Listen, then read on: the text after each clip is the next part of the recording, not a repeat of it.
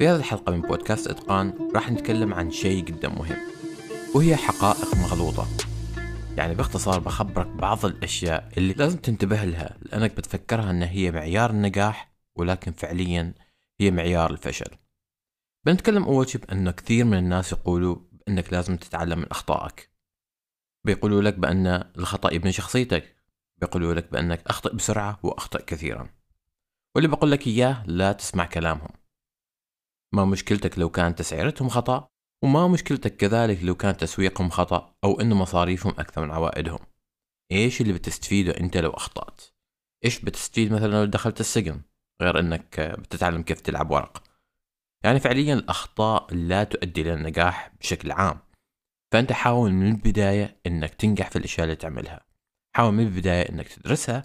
حاول من البداية أنك تقرأ كتب تاخذ دورات. أي شيء يفيدك على أساس تتجنب الأخطاء. أما الأخطاء اللي بتوقع مع أنك حاولت كل مجهودك أو أنك حاولت بكل الطرق أو حتى بعد تعليمك فهذا شيء وارد. لكنك تحاول أنك تبرر عدم نجاحك بسبب الأخطاء خاصة لو كانت أخطاء تافهة هذا راح يؤدي إلى فشل كبير.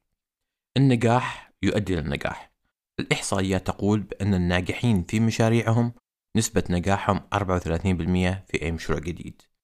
أما الفاشلين في مشاريعهم نسبة نجاحهم 23% فقط في المشروع الجديد. كذلك من الحقائق المغلوطة هي عدد الموظفين. تلقى الواحد والله أن يقول أو يتفاخر بأن عدد موظفيني 100 أو عدد موظفيني 200 وفي ناس بيقول والله عدد الموظفين اثنين أو ثلاثة وتحسه أنه خجل فعليا من المشروع.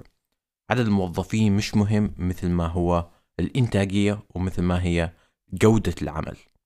خلينا ناخذ مثال كلية هارفارد. هي ما تتفاخر بعدد الفروع اللي عندها. والله عندي فروع في كل الدول أو عندي مئة ألف فرع أو مئة ألف مدرس أو دكتور أو بروفيسور.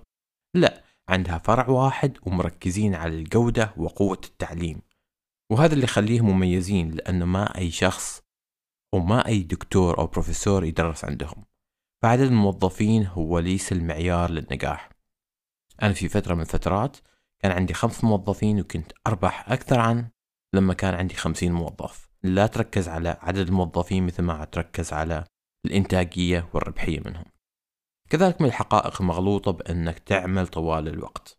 ساعات ممكن تتلخبط عليك ممكن يقل التركيز وممكن كذلك حتى يقل الإبداع خاصة بالنسبة للمشاريع اللي تتطلب هذا الشيء. ويقول كذلك العمل طوال الوقت ممكن يولد يعني لو شفت واحد ما مركز معاك أو حتى أسلوبه طالع آه، غبي ممكن يكون بأنه قليل النوم. فوضعية البطل تسمى هذه الوضعية لما أنت تحاول قدر الإمكان أنك تحل المشكلة حتى لو كانت ما تنحل. يعني ممكن تجلس ساعة ساعتين خمس ساعات عشر ساعات وممكن تجلس أيام تحاول تحل مشكلة واحدة أو تحاول توصل لمثلا تصميم معين أو لنتيجة معينة بضيع كل وقتك. وضعية البطل تصير لما أنت يعني تعزم بكل إمكانياتك أنك لازم تحل المشكلة وهي ممكن تحتاج أنك تأجلها يوم أو يومين أو محتاج أنك تستشير شخص أو محتاج أنك مساعدة من موظف معين. فبعض الأحيان المهمة لو تطلبت مساعدة من ناس ثانيين أو تطلبت مساعدة من موظف آخر ممكن تحتاج أنك تاخذ استشارة بدل لا أنك تجلس أيام أو ساعات أو حتى ممكن شهور وأنت ما قدرت تحل مشكلة واحدة. كذلك هذا يذكرني بفترة من الفترات لما كنت أشتغل طوال الوقت. وبعض الأحيان طبعا هذا بيكون مهم بالنسبة لك أنك تجتهد والاجتهاد والعمل بساعات كبيرة ممكن يوصلك للنجاح وهو أحد طرق النجاح اللي الكل يجمع عليها. ولكن أنا القصد أنك ما تعمل هذا الشيء بحيث أنه بعدين يأثر عليك. فمثلا لو أنت طول الوقت فقط شغال شغال شغال فممكن مثل ما ذكرنا الإبداع والتركيز آه، والغباء يزيد عندك يعني نفس الشيء والتركيز يقل طبعا. فوصلت في مرحلة من مرحلات إني أقرب يعني وين اللي بيكون تركيزي أعلى لما أشرب آه، قهوة أو لما أشرب مثلا مشروب طاقة مثل بايسون أو مشروب طاقة مثل ريد بول. فكنت حتى أقربهم في نفس اليوم وين اللي بيعطيني طاقة على أساس أكمل ساعات إضافية. وفي هذيك الفترة ما كانت هي أفضل فترة بالنسبة لي أنقصت لكن ما كنت سعيد بالنهاية. من ضمن الأشياء اللي الحقائق مغلوطة حاول ما تشتغل يعني حتى في فترات راحتك. فمثلا لو كنت متزوج وتاخذ مثلا آه، العمل للبيت آه، وأهلك ينزعج من هالموضوع أو زوجتك تنزعج من هالموضوع. فحاول قدر الإمكان تخفف هذه الضغوطات عليك على أساس ترجع بطاقة أكثر وترجع بإبداع أفضل. وكثير من آه، التجار وحتى المدراء وحتى كذلك رؤساء الشركات الكبرى يرجعوا للبيت ويريحوا فيه ويحاولوا قدر الإمكان ما يحطوا هذه الأشياء تزعجهم في وقت البيت. المثل يقول بأن الذكي راح يحصل على طريقة لإنهاء العمل في أقصر مدة. حتى يقول لك مش الذكي فقط يقول لك حتى الكسول. لو عندي مهام كثيرة بعطيها شخص كسول وبينهيها في وقت قصير. فما المطلوب منك إنك تكون كسول لكن مطلوب منك إنك تكون ذكي في حل التحديات في حل المهام. على أساس تخلصها على الوقت. يعني حاول تحط لو عندك مهمة محتاج لها يوم حاول إنك تنتهيها أو تنهيها في يوم واحد. فمهم جدا إنك تحاول قدر الإمكان إنك تكون متوازن في أعمالك في مهامك في آه، طريقة العمل كذلك حتى مع الموظفين على أساس تعطيك الطاقة اللي بتحتاجها لمواصلة هذا العمل خاصة في المشاريع التجارية. أنت محتاج بإنك دائما تكون بتركيز ذهني عالي. فمن ضمن الأشياء اللي لازم تركز فيها في حياتك وخاصة على أساس ما يأثر عملك في مشروعك التجاري أو في التجارة على حياتك بشكل عام ويؤدي هذا الموضوع إنك تكون بائس فلازم تركز على أربعة أشياء واللي هي العمل آه، الجانب الشخصي وجانب العائلة والجانب الروحي.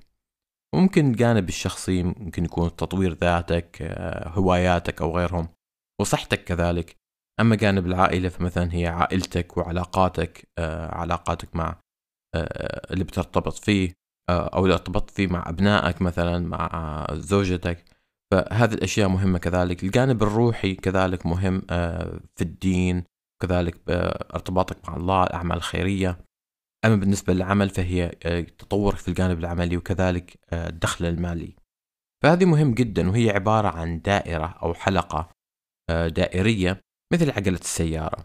فلو كانت ما متزنة بتلاحظ أنك لما تمشي هذه العجلة لو مثلا قلنا في مكان نقصها جزء فبتصير كأنها متعرجة فبتصير كأنك جالس تمشي بعجلة مش دائرية كأنك عجلة مثلثة أو عجلة مربعة. ففي هذه الحالة ما بتمشي حياتك بالطريقة الصحيحة. فيفضل قدر الإمكان أنك تعمل توازن في حياتك وإنك تبتعد عن الحقائق المغلوطة اللي هي ما راح تفيدك في التقدم في العمل. فهذا بودكاست قصير نسبيا بالنسبة للبودكاستات الأخرى اللي سويتها ولكن حبيت أركز على هالموضوع على أساس أنه ما يأثر في تطور مشروعك لأنه لو تأثرت أنت وأنت القائد في المشروع راح يأثر على نمو مشروعك. أخوك محمد المساعدي ولا تنسى تنشر البودكاست لأصحابك في الإنستغرام في الواتساب في أي مكان. ولا تنسى تشترك آه، على القناة سواء كان في الأبل بودكاست أو جوجل بودكاست أو كذلك حتى في أنغامي. السلام عليكم محمد المساعدي